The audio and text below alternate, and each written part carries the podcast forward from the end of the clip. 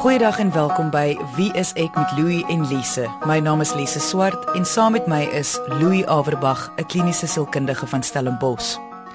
Ons is almal mense en saam met menswees kom moeilike tye, swaar tye, tye waar jy voel dat alles en almal teen jou is.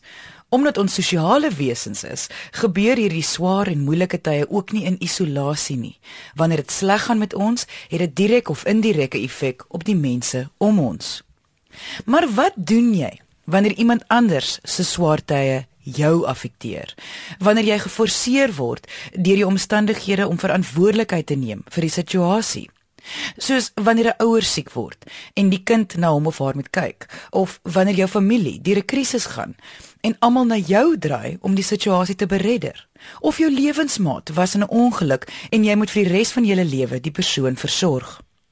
Wanneer moet jy die besluit maak om jouself te kies, om jou eie geluk bo andersin te sit? Baie mense wat nou luister sal voel dat jou geluk moet altyd tweede kom wanneer dit by geliefdes kom. Maar wat van die stelling dat jy niks vir ander kan beteken as jy nie jouself eerste plaas nie? Ek wil sommer dadelik hier inkom dat hierdie ongelukkig 'n feit is. Nee, ons kan nie om hierdie ding kom nie. En dis 'n baie eenvoudige konsep. Ek vat sommer die voorbeeld van 'n pa en 'n seun wat op 'n verlate eiland uitgespoel het en daar is nou minimum kos. Meeste van ons sal sê maar die pa gaan vir die seun meer kos gee en die pa sal dit ook doen. Ek sal dit ook doen, nê. Nee. Jy voel dat jy moet na die ander persoon kyk. Maar die feite van die saak is, as hierdie pa nie meer eet as die seun nie, gaan hy doodgaan, dan kan hy glad nie na sy seun kyk nie. As dit sou sin maak. En dis ongelukkig die feite.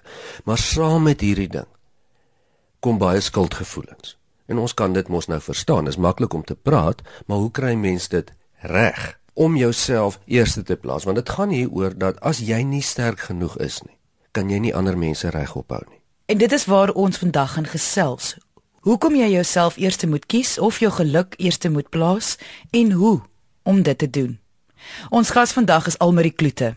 Sy is in haar mid-30s en het in 2014 vele terugslae en verliese ervaar.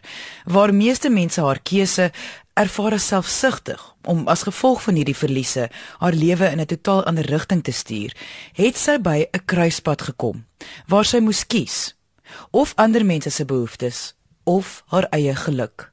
Kom ons hoor waar haar storie begin. 2014 was 'n jaar wat ek nooit in my lewe weer wil, wil oor hê nie. Ehm um, ek was baie geseën tot en met 2014 om nie regtig 'n groot tragedies te beleef nie. Maar hy het sommer afgeskop soos die 10de Mei, 'n vriend wat homself gehang het, selfmoord gepleeg het. 2 weke later is vriendin dood aan kanker. Het my pa siek geword, dis my pa oorlede. Uh, ons moes ons huis verkoop, 'n huis wat ek geken het vandat ek klein is, waarna ek groot geword het. Uh dit was nogal traumaties. Um ek het my werk bedank. Toe is my ma siek. Um sy het drie breinbloedings gekry van breinvliese tot in éventueel die linker hemisfeer van haar brein. En ehm um, so sy is heeltemal gestrem geweest en dit was nog 3 maande se hospitaal en ja, so toe was ek op 'n stadium huisloos en paaloos en vriendloos en al daai goeders en nou heeltemal net ek het dan 'n groot sportstelsel gehad, maar ja, redelik traumaties 2014. Louis, wanneer die meeste mense hoor hulle moet hulle self eerste plaas of sit, is hul eerste gedagte dat hulle dan selfsugtig is of hulle tree selfsugtig op. Wat is jou gedagtes rondom hierdie verskynsel? Kyk, dis natuurlik baie menslik en dis 'n ek dink dis 'n positiewe ding, nê, nee, vir iemand om skuldig te voel en te sê maar ek wil nie selfsugtig wees nie. Dit maak mos nou sin. Maar ons moet 'n baie groot verskil hierso maak tussen selfsug en ek wil amper sê selfverdediging of selfbeskerming. En dit gaan oor prioriteite. As mens selfsugtig is, dan doen jy iets ten koste van ander mense. Jy neem iets weg van ander mense af. Jy is so half bewus maar iemand wil ook graag iets hê, maar ag nee wat, ek wil dit eerder vir myself vat of dit nou kos is of die tyd of die aandag wat dit ook al is. Dis selfsugtig, nê. Nee, dis nie waarvan ons hier praat nie.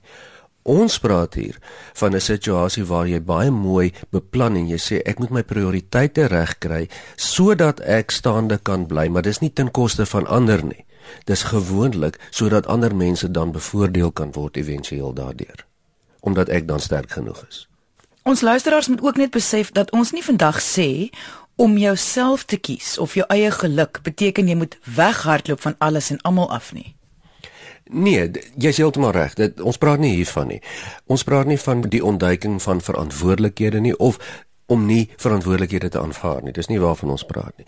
Maar wat ons wel van praat is om nie ander mense se verantwoordelikhede namens hulle te aanvaar nie. Of die terugslag van die lewe om dit te probeer aanvaar namens ander nie. En en ek wens mens kan dit doen, maar jy kan eenvoudig nie, mens kry dit nie reg nie.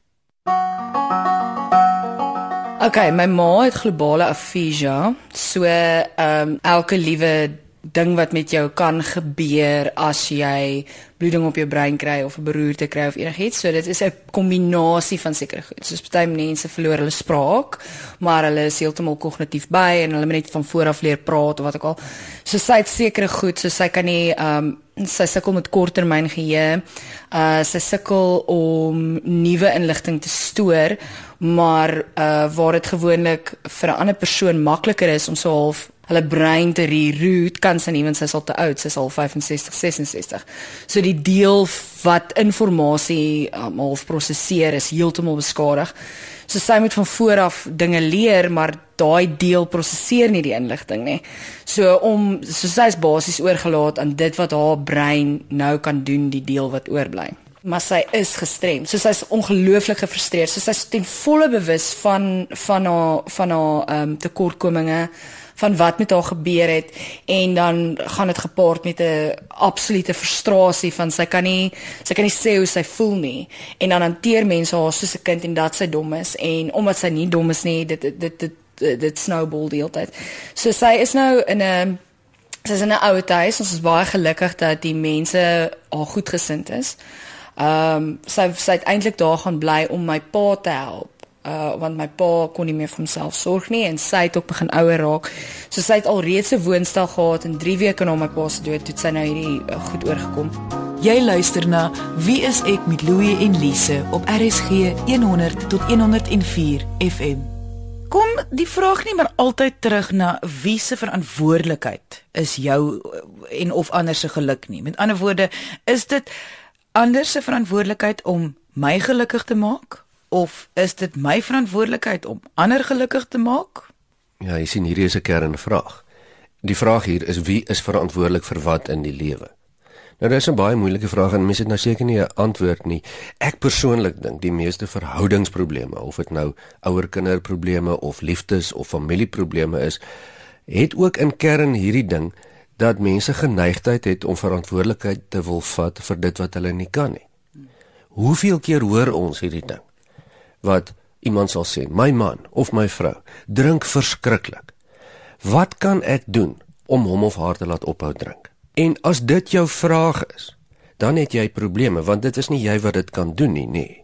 Nou om jouself dan hier te beskerm of eerste te sit, want dit gaan nie ook ons praat ook nie van jouself eers is dit belangriker as ander mense nie. Ons praat eintlik meer van beskerming, nê. Nee. Sal mens kan moet kan sê, jy kan mos nou nie daardie verantwoordelikheid op jou vat om hom of haar te laat ophou drink nie, want dit is nie jou verantwoordelikheid, dit is sy of haar se keuse nie. En as jy daai verantwoordelikheid gaan vat, gaan jy baie swak word, want jy het geen beheer daaroor nie. En dan kan jy nou dalk vir jou kinders of vir jouself of jou ander familielede nie veel beteken nie en wil dit jou sommer nou al waarborg ook. Jy gaan dit in elk geval nie reg kry om hom of haar te laat ophou drink dan nie in hierdie voorbeeld nie. Dit werk in elk geval nie. Want daai persoon moet self hulself kies. Ja, en dit is die realiteite. Dis nie lekker nie, maar dit is die realiteite. Ek het eintlik die leiersels gehad vir baie lank. Ek het die verantwoordelikheid gedra van die emo emo emosionele impak wat alles wat met my familie gebeur het in 2014. My broer, hy het dit van 'n afstand af gehad. Ehm um, my pa se dood was nie eers vir hom 'n realiteit tot hy in Bloemfontein aangekom het vir die vir die ehm um, begrafnis nie. So ek het vir 'n lang ruk het ek die verantwoordelikheid gedra, maar ek dink jy weet op die einde van die dag wat wat gaan jou laat oorleef want ek het gevoel ek gaan nie verder oorleef in alles wat aan my geshackle is nie so ja jy doen dit net teenstand en al Kom ons kyk na hierdie situasie gou vanuit 'n ander perspektief. Indien 'n luisteraar nou besluit ons praat nonsens, wat heeltemal hul reg is, wat kan die moontlike implikasies wees vir hulle gemoed of denke?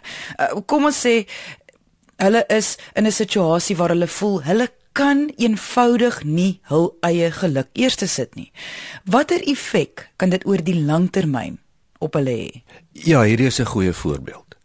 En baie duidelik kan dit mos nou net na een ding toe lei, dis uitbranding, depressie. Nou praat ek van fisiologiese emosionele uitbranding. En ek praat natuurlik nou van in die uiterste gevalle, nê. Nee. Ons moet nou baie mooi verstaan. Ek ons praat hier van as iemand dan nou sê, "Goed, ehm um, ek moet hierdie persoon of die ma van my dan nou bo alles elke oomblik stel en glad nie uh, uh myself nog sterk hou en en voeding gee of dit nou sosiale of, of of emosionele voeding is nie. Dan gaan die persoon al hoe stadiger raak soos 'n kar wat se petrol begin opraak totdat daar nie veel meer oor is nie. En dan nou is die vraag wat beteken jy dan vir jou ma en dis waaroor die program dan nou vandag gaan Ons sê nie jy moet nie verantwoordelikheid neem. Ons sê net pas op presies waarvoor jy dit neem. Ons gesels vandag oor hoekom dit nodig is om jouself en jou geluk eerste te sit in jou lewe en hoe jy hierdie kan doen sonder dat jou skuldgevoelens jou hoef oor te neem. Indien jy die eerste helfte van vandag se episode gemis het, kan jy na die pot gooi gaan luister op RSG se webwerf. Dit is rsg.co.za. Soek net vir wie is ek en kies 'n episode volgens die uitsaai datum. Ons gas vandag is Almarie Kloete. Sy is in haar mid-30's en het in 2014 vele terugslae en verliese ervaar.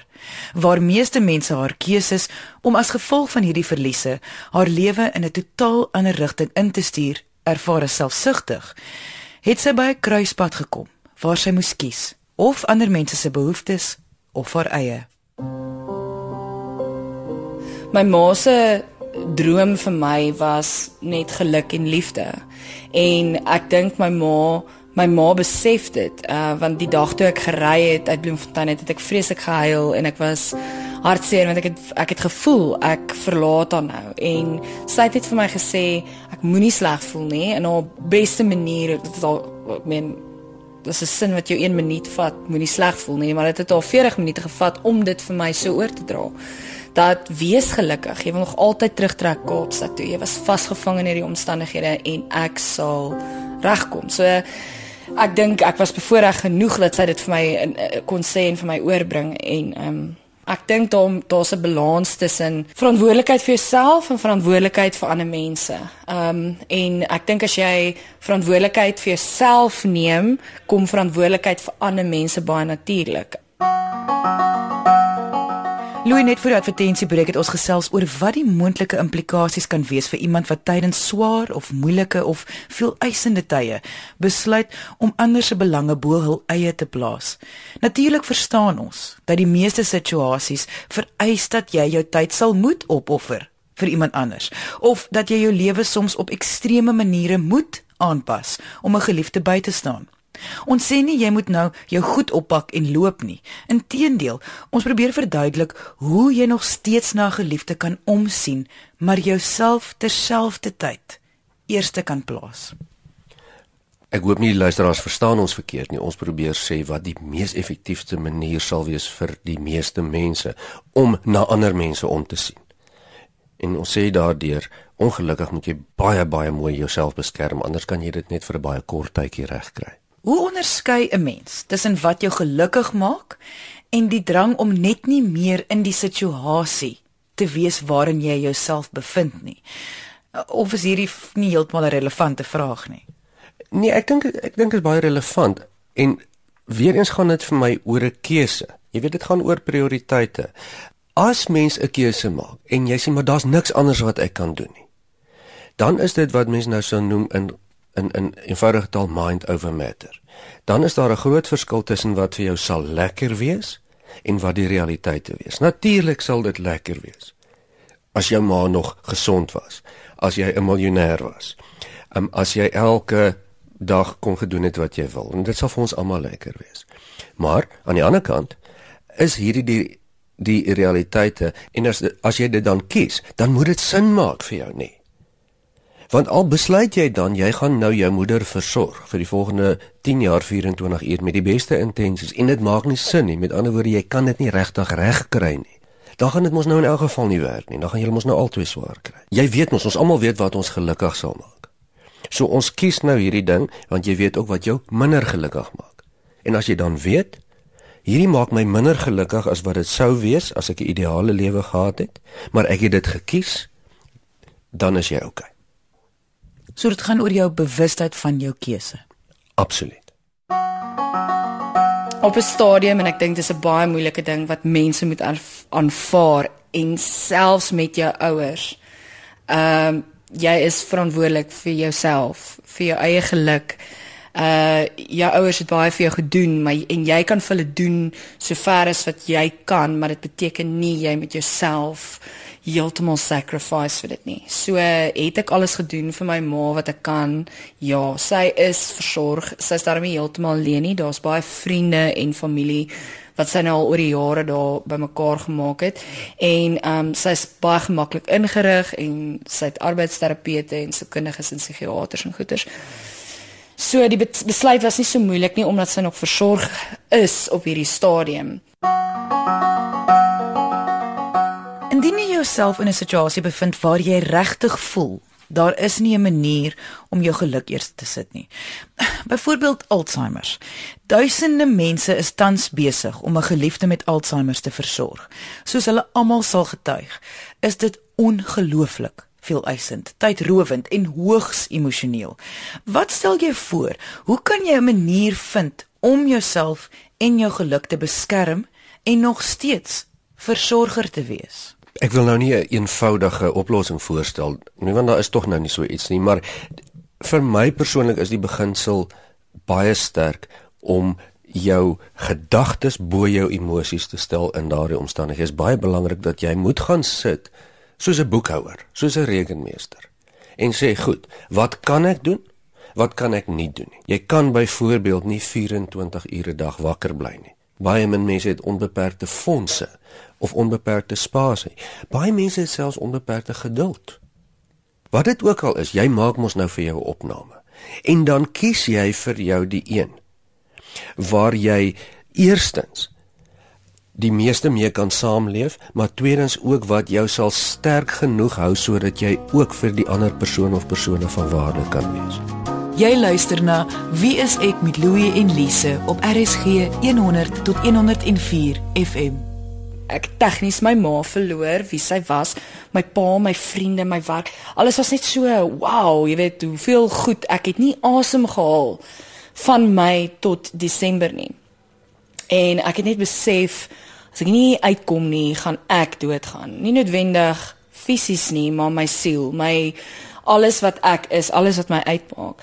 So die oomblik toe ek hier in die Kaap aankom en ek voel lig. Ek voel nie skuldig omdat ek saam met mense gaan uit eet want o, besoektyd is by die hospitaal by my pa of uh hier's my pa se hospitaal en my ma is heeldag by my pa so ek moet gaan sorg dat hulle honde kos kry of dit moet gebeur of dat moet gebeur en o ja ek het werk en o ja ek moet dit doen en o finansies en o die oomblik toe ek besef okay ek het weer beheer geneem oor my eie goederes ek's verantwoordelik vir myself ek ek kan asemhaal.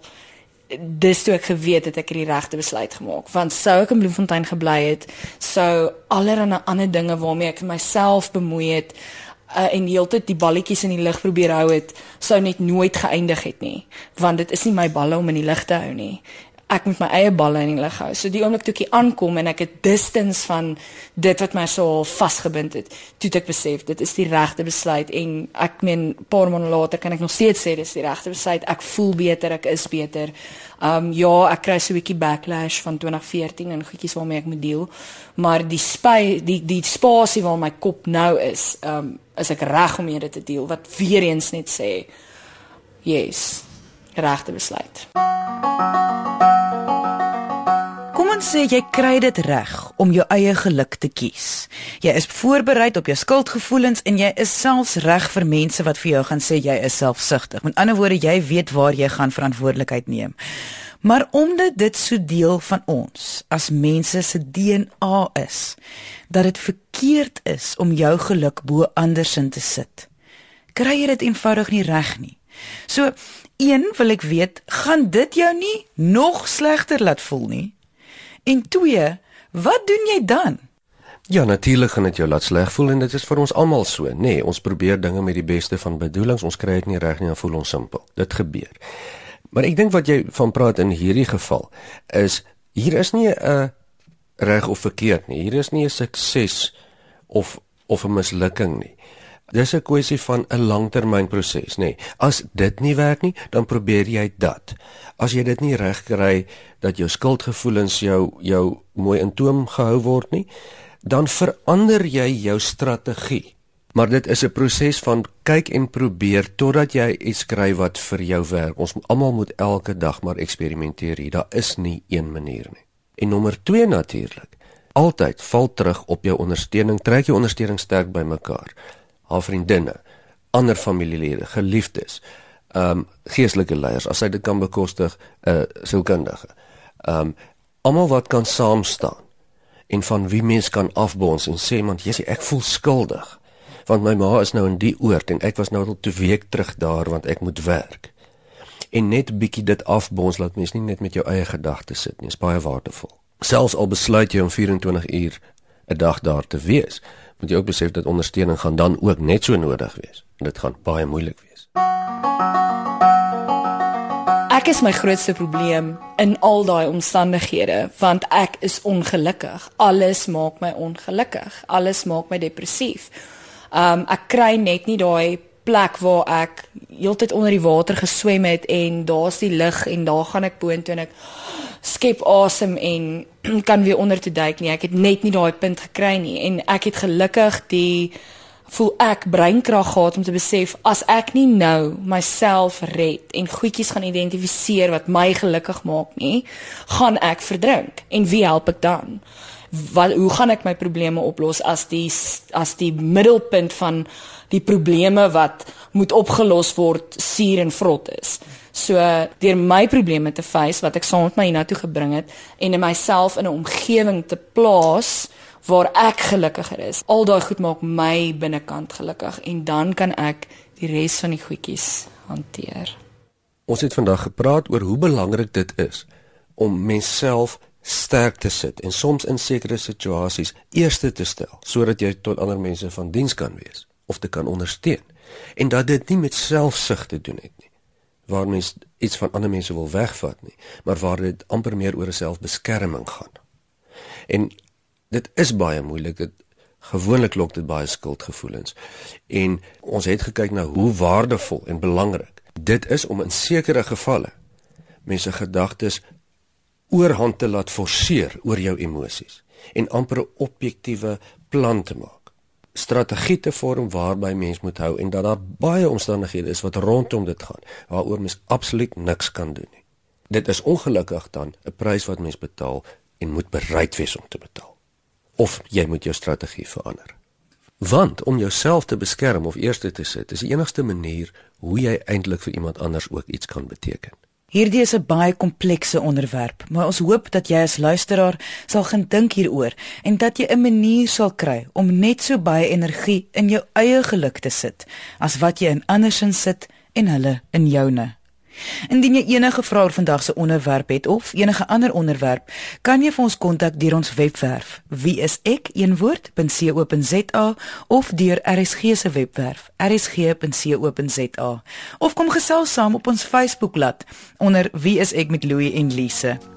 Ons het aan die einde van vandag se episode gekom. Baie dankie aan Almarie Kloete dat sy haar storie met ons gedeel het en dankie dat jy ingeskakel het. Ons maak weer so volgende Vrydag 12:30 net hier op RSG. Jy moet 'n heerlike naweek hê en onthou, kyk mooi na jouself.